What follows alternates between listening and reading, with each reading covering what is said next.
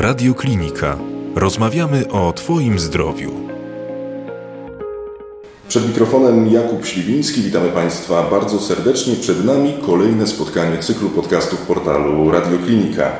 Szanowni Państwo, dzisiaj ponownie zawitaliśmy w gościnne progi Centrum Dobrej Terapii w Krakowie, aby porozmawiać o schorzeniu, które cały czas stanowi nie lada zagadkę. Przypadłości, która bywa bagatelizowana, a która jest zagrożeniem dla całego organizmu. I to dosłownie, Szanowni Państwo, no bo kiedy pada hasło takie jak fibromialgia, to jest ono łączone niekiedy z bólem całego ciała. O tym niebywale groźnym, a z innej perspektywy ciągle nieodgadnionym schorzeniu porozmawiamy z panią doktor Anną Julią Krupą, psychiatrą w Centrum Dobrej Terapii w Krakowie oraz klinice Szpitala Uniwersyteckiego w Krakowie. Ukłoni pani doktor. Dzień dobry, bardzo mi miło, że odbywamy tą rozmowę. Mam wrażenie, że o fibromialgii wciąż mówi się za mało e, i każda okazja do poszerzania wiedzy na ten temat jest cenna. Zatem zaczynajmy. Pani doktor, schorzenie zagadka. Tak jak powiedziałem, to choroba e, całego ciała. Oczywiście my będziemy sobie o tym dyskutowali w trakcie naszego dzisiejszego spotkania. Te określenia właśnie jako choroba całego ciała, tych określeń, tych zdań przypisywanych fibromialgii jest bardzo, ale to bardzo dużo. Pani doktor, zatem na początek spróbujmy usystematyzować, z jakim schorzeniem mamy do czynienia, no i pytanie, jak podstępne jest to schorzenie. Jeśli mówimy o tym, czym jest fibromialgia, to musimy przejść do kryteriów rozpoznawczych tego zaburzenia. Te kryteria, o które teraz się opieramy, pochodzą z 2016 roku, zostały zaproponowane przez amerykański College Reumatologów. Wśród tych kryteriów znajduje się przede wszystkim wieloobszarowy ból.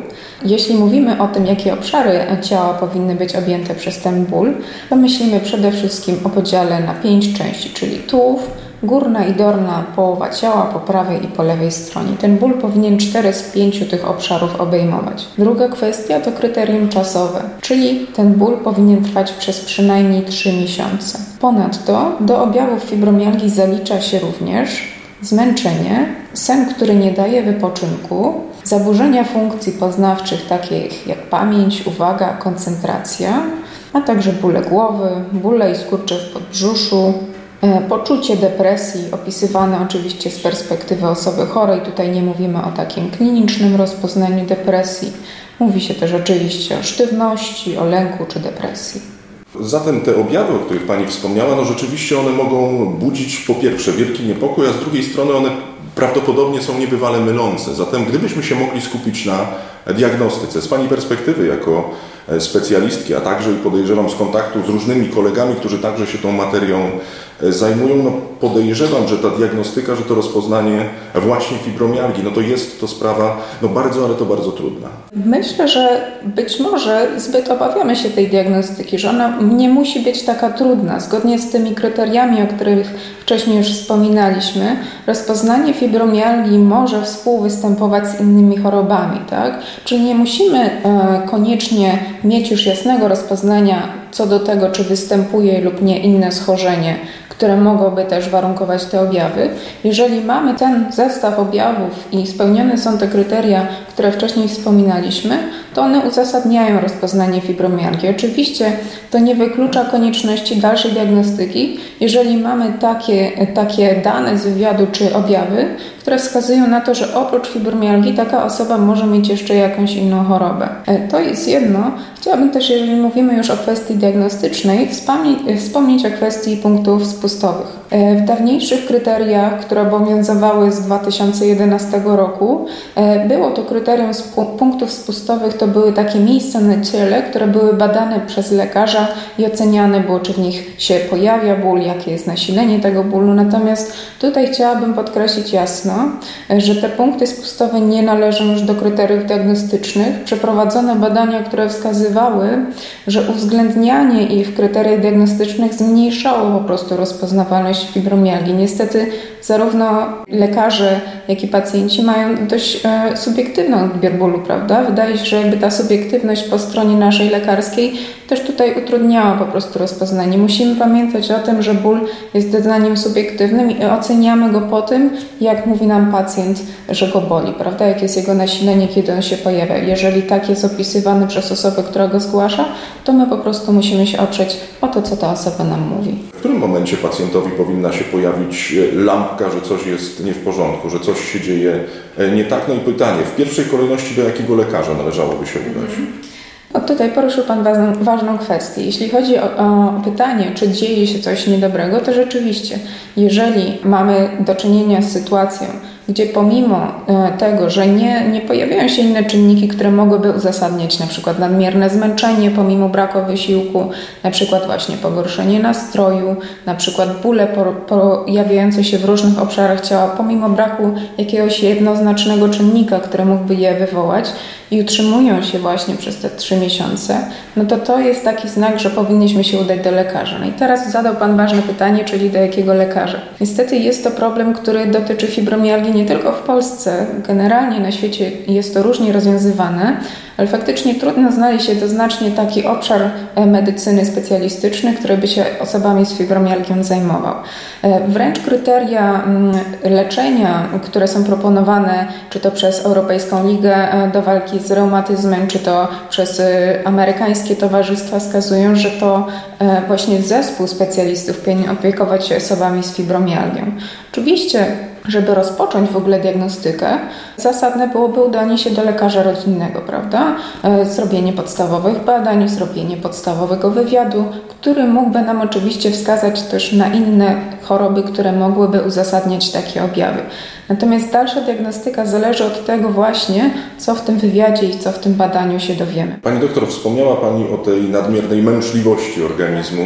E, tak to nazwijmy. No i oczywiście także fibromialgia pośród naszych słuchaczy, słuchaczy radiokliniki budzi niemałe poruszenie, także i pacjentów, którzy są dotknięci tym schorzeniem, no i którzy zastanawiają się, czy jesteśmy w stanie wyjaśnić w jakikolwiek logiczny sposób to, że organizm 30-40-latka dotknięty właśnie tym schorzeniem, no zachowuje się w cudzysłowie oczywiście jak organizm na przykład 70-latka. Czy to jest absolutnie sprawa, której my nie jesteśmy w stanie w jakikolwiek sposób wyjaśnić? Też ważna kwestia. Myślę, że to, co jest charakterystyczne bardzo dla fibromialgii, to są zaburzenia snu i jego brak efektywności. Tak? Jeżeli sen, który, który powinien umożliwić nam regenerację, nie był takim snem, jeżeli on był bez efektu, to będziemy budzić się zmęczeni będziemy mieli mniej energii, prawda? I to są bardzo, bardzo obszerne ilości danych co do tego, że w fibromialgii te zaburzenia snu są powtarzalne, są bardzo częste, wydają się być z nią silnie związane, natomiast Tutaj kolejna kwestia, która jest istotna.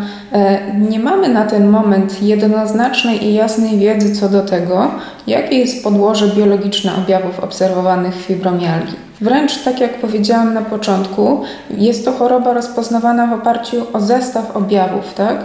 co sugeruje, że w grupie osób, które mają rozpoznanie fibromialgia, mogą znajdować się różne oso- grupy osób, które mają dolegliwości wynikające z różnych przyczyn biologicznych. Tak? U pewnych osób być może podstawową kwestią będą zaburzenia snu. Być może u innych osób kwestią podstawową będzie jakaś choroba jeszcze nierozpoznana, związana z metabolizmem, prawda? Na przykład mitochondrialnym, który, mm, który czasami też w fibromialgii e, opisywano.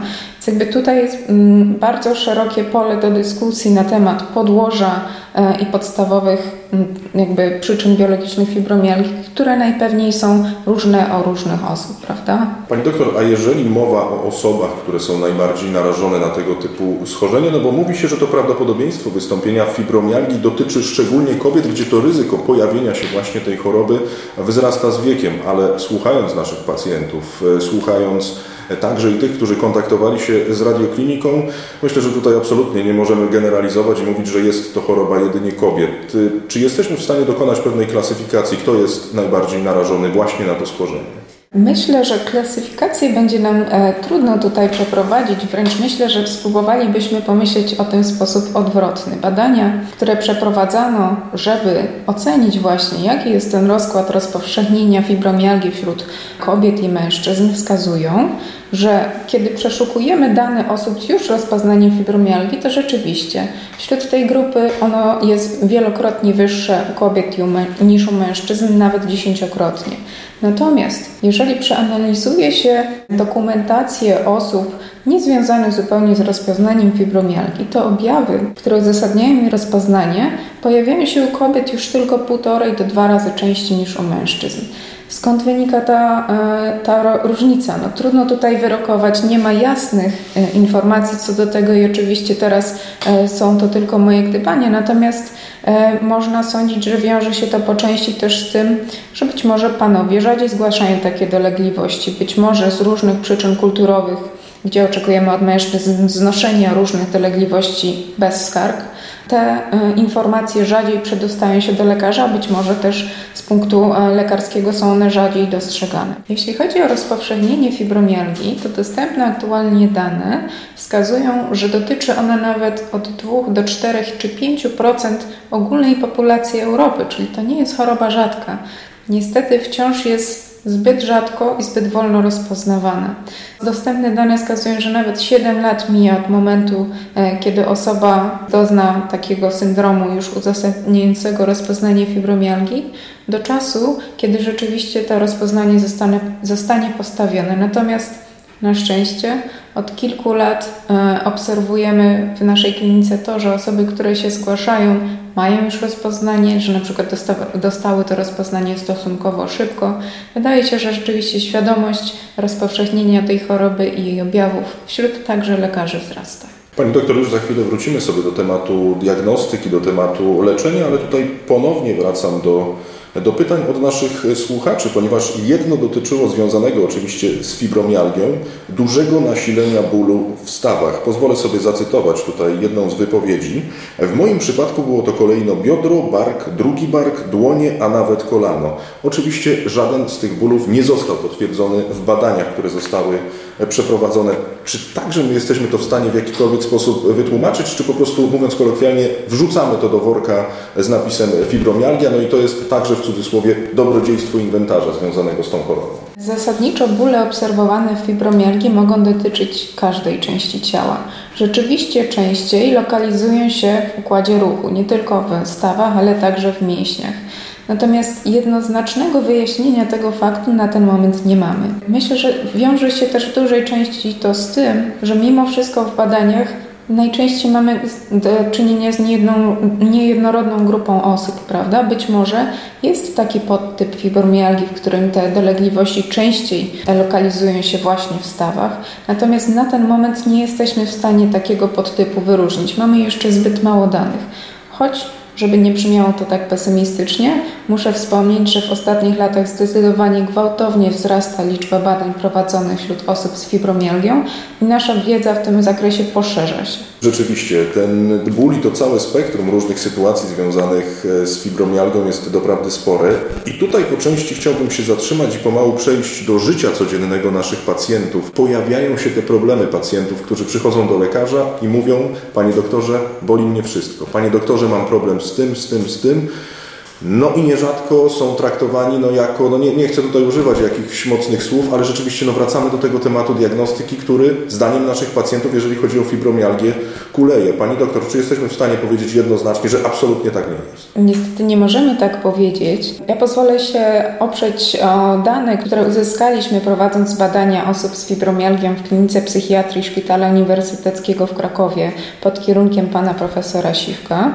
W ramach tego badania właśnie pytaliśmy pacjentów, pacjentów o takie doświadczenie. I rzeczywiście osoby z fibromialgią mówią, że zdarza się, że są traktowane jako symulanci, tak? czyli osoby, które udają objawy, że dostają takie niestosowne uwagi na temat tego, że te objawy pojawiają się u każdego i że ich nasilenie jest nieuzasadnione, e, że nie ma żadnych e, wyjaśniających je badań, e, że być może wynikają przede wszystkim z problemów psychicznych i są taką właśnie mm, takim, takim sygnałem, sygnałem, że trzeba się leczyć psychiatrycznie, faktycznie, no to jest duży problem. E, na szczęście mm, te badania trwały kilka lat, które prowadziliśmy. W ostatnich latach zgłaszały się już osoby, e, które mm, na przykład podawały, że żadnych takich przykrych doświadczeń z personelem medycznym nie miały. Myślę, że to w dużej mierze wynika też z tego, że proszę zwrócić uwagę na to, dopiero od 2016 roku mamy naprawdę e, dobre, pozwalające nam precyzyjnie diagnozować kryteria, prawda?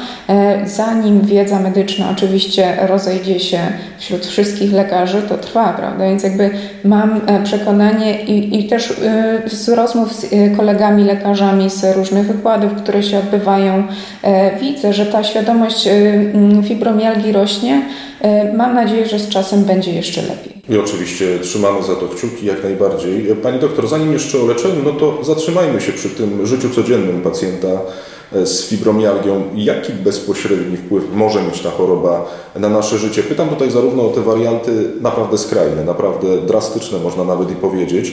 I chodzi mi tutaj zarówno o te aspekty związane z pracą zawodową, na przykład chociażby z uzyskaniem pewnych świadczeń dotyczących chociażby stopnia e, niepełnosprawności, to o czym pani doktor także przed momentem powiedziała, że no w różnych przypadkach to może różnie wyglądać i z różnym przełożeniem na te rzeczywiste, udokumentowane rzeczy i aspekty w życiu codziennym. Rzeczywiście. Y, Kwestia uzyskiwania czy to renty, czy to stopnia niepełnosprawności osób z fibromialgią jest kwestią bardzo trudną. Myślę, że to pozostaje w ścisłym związku z tym, co powiedzieliśmy chwilkę temu, prawda? Czyli jeszcze wciąż niską świadomością tej choroby, e, także wśród grona lekarskiego, ale na szczęście rosnącą w ostatnim czasie.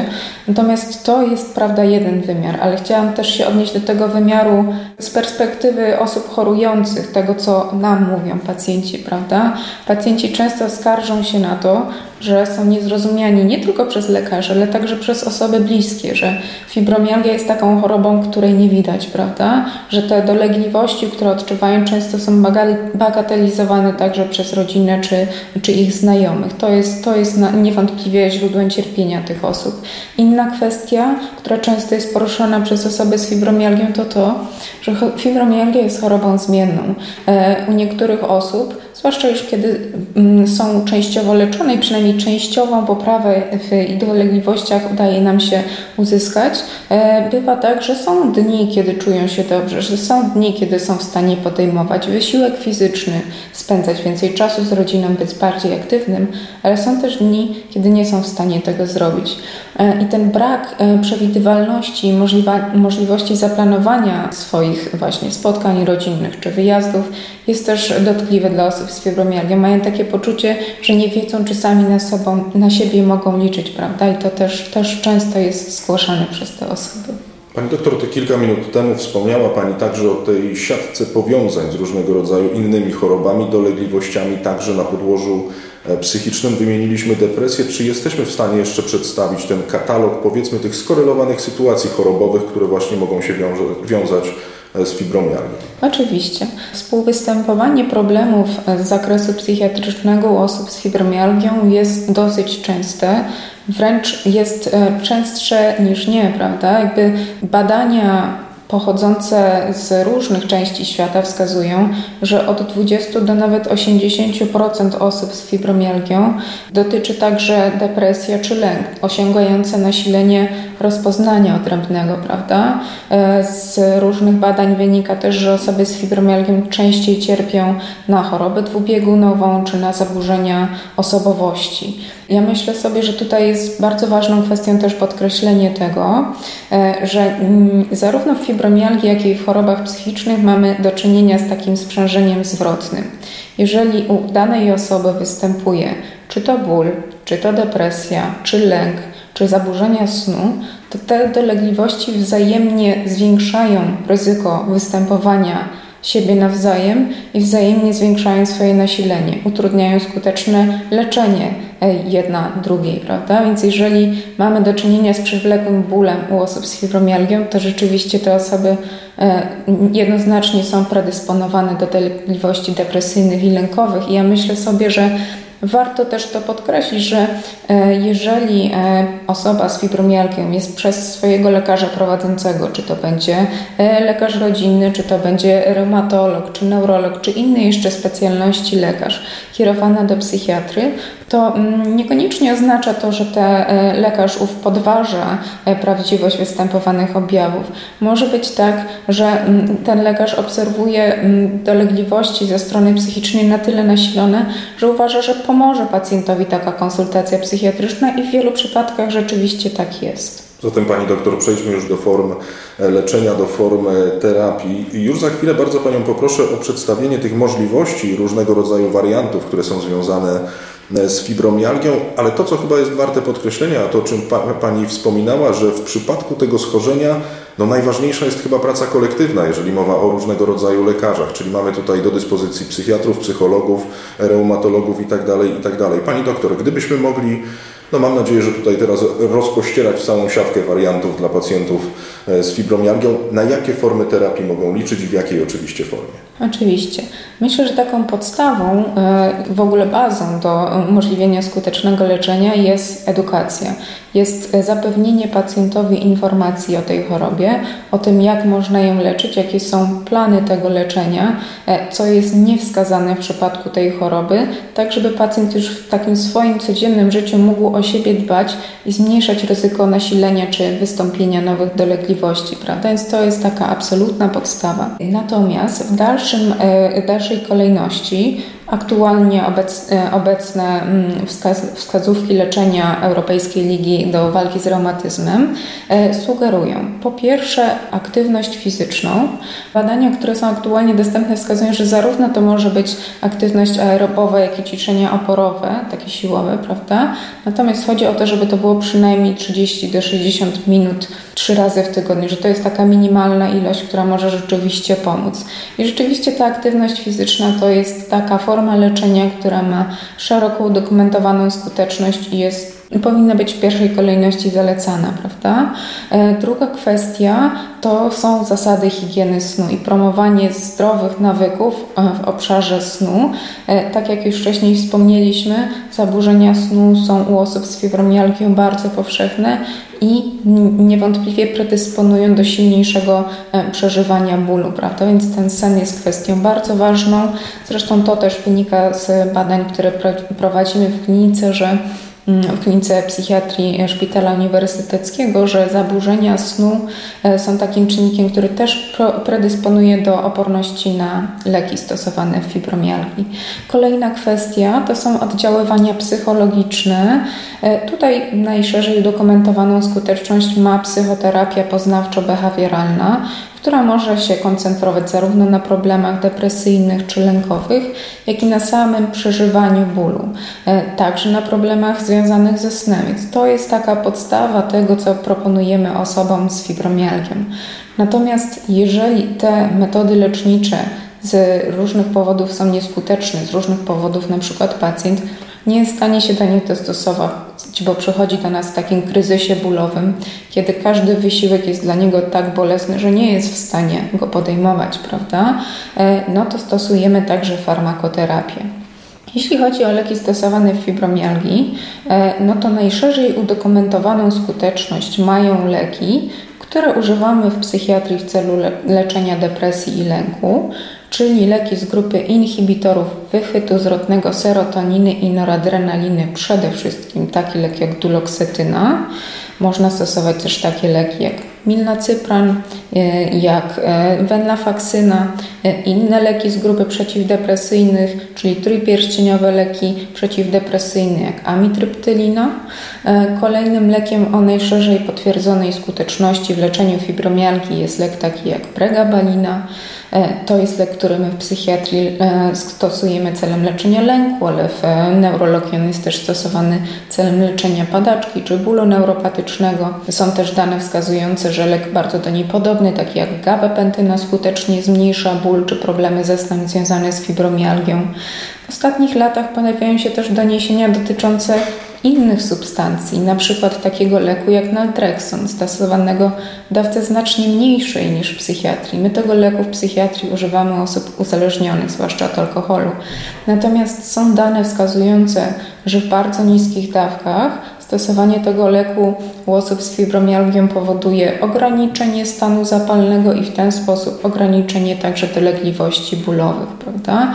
Kolejne doniesienia pojawiają się co do e, różnych innych leków w ostatnich latach i na szczęście ten e, zakres dostępnych możliwości się poszerzy. Natomiast to, co chciałabym tutaj też jakoś podkreślić, to to, że to, że stosujemy leki psychotropowe, tak zwane, prawda, fibromialgii, nie znaczy, że mm, uważamy, że dolegliwości obserwowane u pacjenta wynikają tylko z zaburzeń psychicznych. Oczywiście one mogą być po części potęgowane, prawda, czy e, utrzymywane przez te problemy, natomiast te leki przeciwdepresyjne, prawda, które wcześniej wymieniłam, niezależnie od wpływu na stan psychiczny, ograniczają ilość sygnałów, które docierają z naszego ciała do mózgu.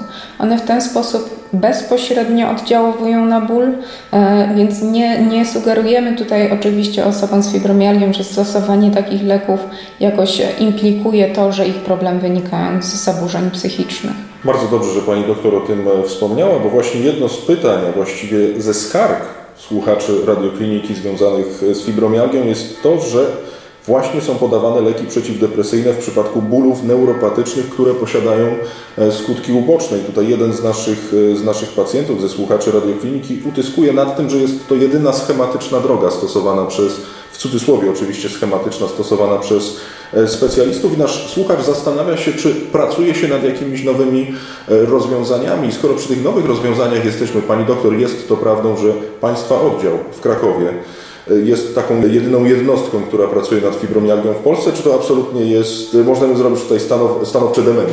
Zacznę może od kwestii leków mhm. przeciwdepresyjnych, dobrze?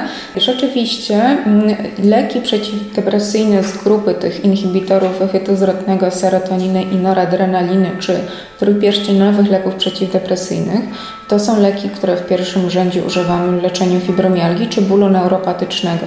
Jeśli Państwo zerkną do wytycznych neurologicznych leczenia tych bólów, znajdą Państwo tą samą informację właśnie z tego powodu, że te leki bezpośrednio wpływają na ograniczenie e, doznawania bólu, niezależnie także od tego, jak wpływają na stan psychiczny, prawda? Więc tutaj e, myślę, że często jest też tak, że osoby z fibromialgią są kierowane do leczenia przez psychiatrę właśnie dlatego, że my się dobrze na stosowaniu tych leków znamy, prawda? Niekiedy e, specjaliści z innych dziedzin mają poczucie, że niekoniecznie czują się kompetentni w używaniu tych leków i właśnie dlatego też kierują e, swoich pacjentów do nas. E, jeśli chodzi o opracowywanie nowych leków, my w klinice psychiatrii zajmujemy się przede wszystkim w tym momencie badaniem czynników, które są związane z tym, że te leki, które wymieniłam w pierwszej kolejności, czyli inhibitory wychwytu zwrotnego serotoniny i noradrenaliny, u części osób z fibromialgią przynoszą wyraźną poprawę w zakresie bólu,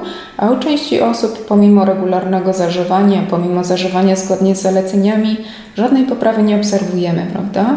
E, więc my w tym momencie, można powiedzieć, nie opracowujemy żadnego nowego leku, tylko staramy się zbadać te czynniki, które umożliwiłyby nam doprecyzowanie, dla kogo dany lek będzie korzystny, a dla kogo być może warto skorzystać z innych metod leczniczych lub wzmocnić to leczenie poprzez metody nielekowe, prawda? Bo to, co obserwujemy, to to, że występowanie depresji, czy lęku, czy zaburzeń osobowości, czy też zaburzeń snu i okołodobowego rytmu, to są takie czynniki, które właśnie predysponują do oporności na to podstawowe leczenie. Także różne czynniki związane mm, z naszym temperamentem czy cechami osobowości. To, co łączy wszystkie te e, dolegliwości, które właśnie wymieniłam jako ograniczające skuteczność leczenia, to to, że na te dolegliwości możemy stosować odrębne leczenie. Być może ich zniesienie pozwoliłoby zwiększyć skuteczność leczenia fibromialgii, prawda? E, z tego co wiemy na ten moment, także zaburzenia metaboliczne, takie jak insulinooporność, wyższe stężenie insuliny, predysponują właśnie do oporności na leczenie fibromialgii i to także jest element, na który chcemy oddziaływać, żeby zwiększyć jego skuteczność. Pani doktor, farmakologia to jedno, ale tutaj oczywiście wracamy jeszcze raz do kwestii podniesionych przez e, nas, naszych słuchaczy i zatrzymujemy się przy terapii roślinnej, przy terapii ziołowej, bo akurat jeżeli o tym mowa, tutaj nasz słuchacz wspomina, że zarówno zioła, jak i stosowanie olejków konopnych dostępnych bardzo szeroko, w tym wypadku akurat jeżeli mowa o fibromialgii jest kompletnie e, nieskuteczne. Czy to jest odosobniony przypadek, czy rzeczywiście tematy roślinne i tego typu historie w przypadku fibromialgii możemy włożyć między bajki i ta terapia absolutnie skuteczna nie jest? Myślę, że tutaj bym się też odniosła także do prób leczenia różnymi suplementami diety, prawda? Na ten moment, y, jeśli chodzi o różne środki nie będące lekami, którymi próbujemy uzupełniać nasze leczenie, to niewątpliwie są dane wskazujące na to, że stosowanie wysokich dawków, dawek koenzymu Q10 to jest taka forma, która pozwala redukować objawy fibromialgii, także nasilenie stanu zapalnego czy stresu oksydacyjnego. Stosowanie takiej substancji jak melatonina, ona w Polsce jako lek jest dostępna tylko e, pod jedną nazwą, natomiast jest też dostępna w różnych suplementach. To też jest metoda leczenia, która ma poparcie w badaniach jako metoda skuteczna. E, poza tym są też doniesienia o różnych próbach leczenia suplementami diety, co do których są już pojedyncze badania, tak? czyli te dane, które mamy są mm, no jeszcze nie, niewystarczające, żeby jakoś stanowczo na ten temat się wypowiadać. Jeśli chodzi o zioła, ja na ten moment przeszukując dostępne dane nie znajduję takich danych, które by wskazywały, że któreś konkretne mogłoby być istotnie przydatne fibromialgii. Jeśli chodzi o olejki CBD, jeśli chodzi o pochodne marihuany też w leczeniu fibromialgii, no to tutaj kwestia wciąż jest do, do badania.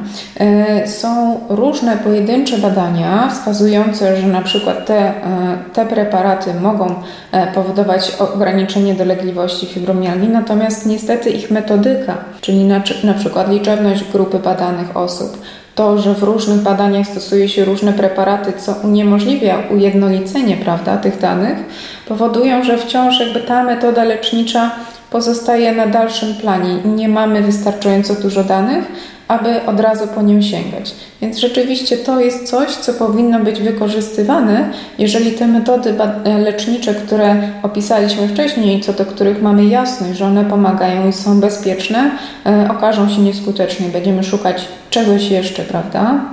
Pani doktor, zanim sobie jeszcze niemalże na koniec naszego dzisiejszego spotkania powiemy o właściwej bądź też polecanej diecie w przypadku fibromialgii, no to jeszcze wcześniej zatrzymajmy się przy tych metodach niefarmakologicznych i oczywiście przy tych, można powiedzieć, przykazaniach dla osób, które są dotknięte z taki, takim schorzeniem. Powiedzieliśmy o tej próbie uzyskania właściwego snu. Oczywiście wskazujemy tutaj także na aspekt ruchowy, czy jest jeszcze taki katalog zagadnień, katalog sytuacji i pewnych prób podejmowania przez ewentualnych pacjentów, aby troszeczkę te sytuacje zniwelować, zminimalizować itd. Tak itd. Tak Niewątpliwie do takich czynników, które mogą zaostrzać przebieg fibromialgii, tak jak i różnych innych przewlekłych chorób, należy przewlekły stres, prawda? Nadmierne obciążenie pracą.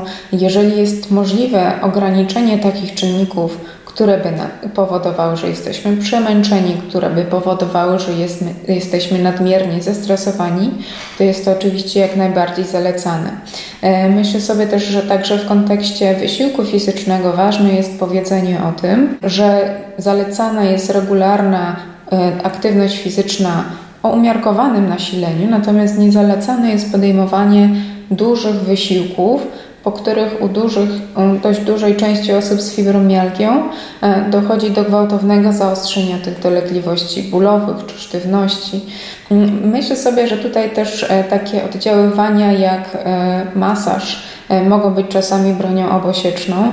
Oczywiście korzystanie z takiego masażu i oddziaływań fizjoterapeutycznych, które są dostosowane do potrzeb danego pacjenta, jest zalecane, jest wskazane, jest to skuteczna metoda lecznicza, natomiast e, bywa tak, że zbyt intensywne oddziaływania tego typu powodują zaostrzenie dolegliwości w fibromialgii, także musimy mieć także na to uważanie, aby te metody lecznicze, z których korzystamy, nie były zbyt intensywnie używane, prawda? I Pani doktor, niemalże na koniec sprawa diety. Troszeczkę Pani o tym powiedziała te kilka bądź też kilkanaście minut temu, ale czy w przypadku fibromialgii, ewentualnego podejrzenia, czy jest zalecany kontakt z dietetykiem? Czy jednak jeszcze ten stopień wtajemniczenia, nawet dietetyków związanych właśnie z fibromialgią jest zbyt niski, zbyt mały, aby, aby mogli oni jakoś dobrze doradzić nam w tej kwestii? Tutaj kwestia bardzo ważna. Na ten moment y, nie mamy dostępnych jasnych wytycznych co do tego, że stosowanie jakiejś jednej konkretnej diety pozwalałoby nam uzyskać poprawę stanu fibromialgii. Natomiast to, co wiemy, to to, że nadmierna masa ciała, to, że występowanie insulinooporności są czynnikami związanymi niewątpliwie z fibromialgią, z opornością tej fibromialgii na leczenie, więc u osób, u których masa ciała przekracza ten wskaźnik BMI, prawda, 25 wskazując na nadwagę lub przekracza 30 wskazując na otyłość, jak najbardziej zalecane jest podjęcie leczenia, które pozwoliłoby tą masę ciała zredukować do takiej, która znajduje się w prawidłowym zakresie. Rozumiem. Pani doktor, i na koniec to także był temat, który podejmowaliśmy te kilka minut temu, czyli wsparcie rodziny, wsparcie tych osób, które można powiedzieć no, współuczestniczą w tej fibromialgii, jeżeli mowa o danym, danym pacjencie. Czy są jakieś wskazówki dla rodziny, dla najbliższych, jak oni powinni się zachowywać, jaką, z jakim stopniem wyrozumiałości powinni się posiłkować w kontakcie z taką osobą? Czy mamy taki katalog również zachowań, który moglibyśmy, no także taką iskierkę dla naszych słuchaczy, dla pacjentów przedstawić na koniec? Myślę, że to, co najważniejsze, to tak jak w przypadku samej osoby chorej, e, edukacja na temat choroby. E, zrozumienie tego, że fibromialgia mm, przejawia się przede wszystkim tym, co czuje osoba chora, a nie tym, co my widzimy, pozwoli nam lepiej zrozumieć, że to, co obserwujemy, niekoniecznie pozwala nam dostrzec to, co dzieje się z osobą chorą, prawda? Pozwoli nam na uzyskanie większego zrozumienia, ale też stopnia wyrozumiałości.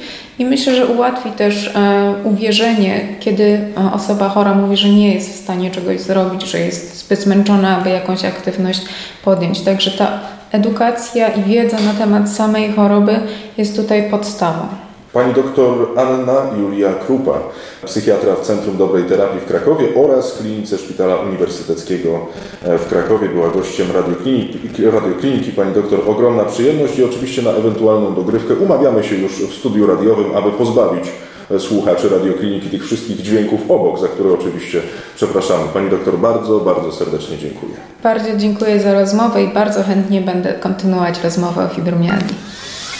Więcej audycji na stronie radioklinika.pl i w naszej aplikacji mobilnej.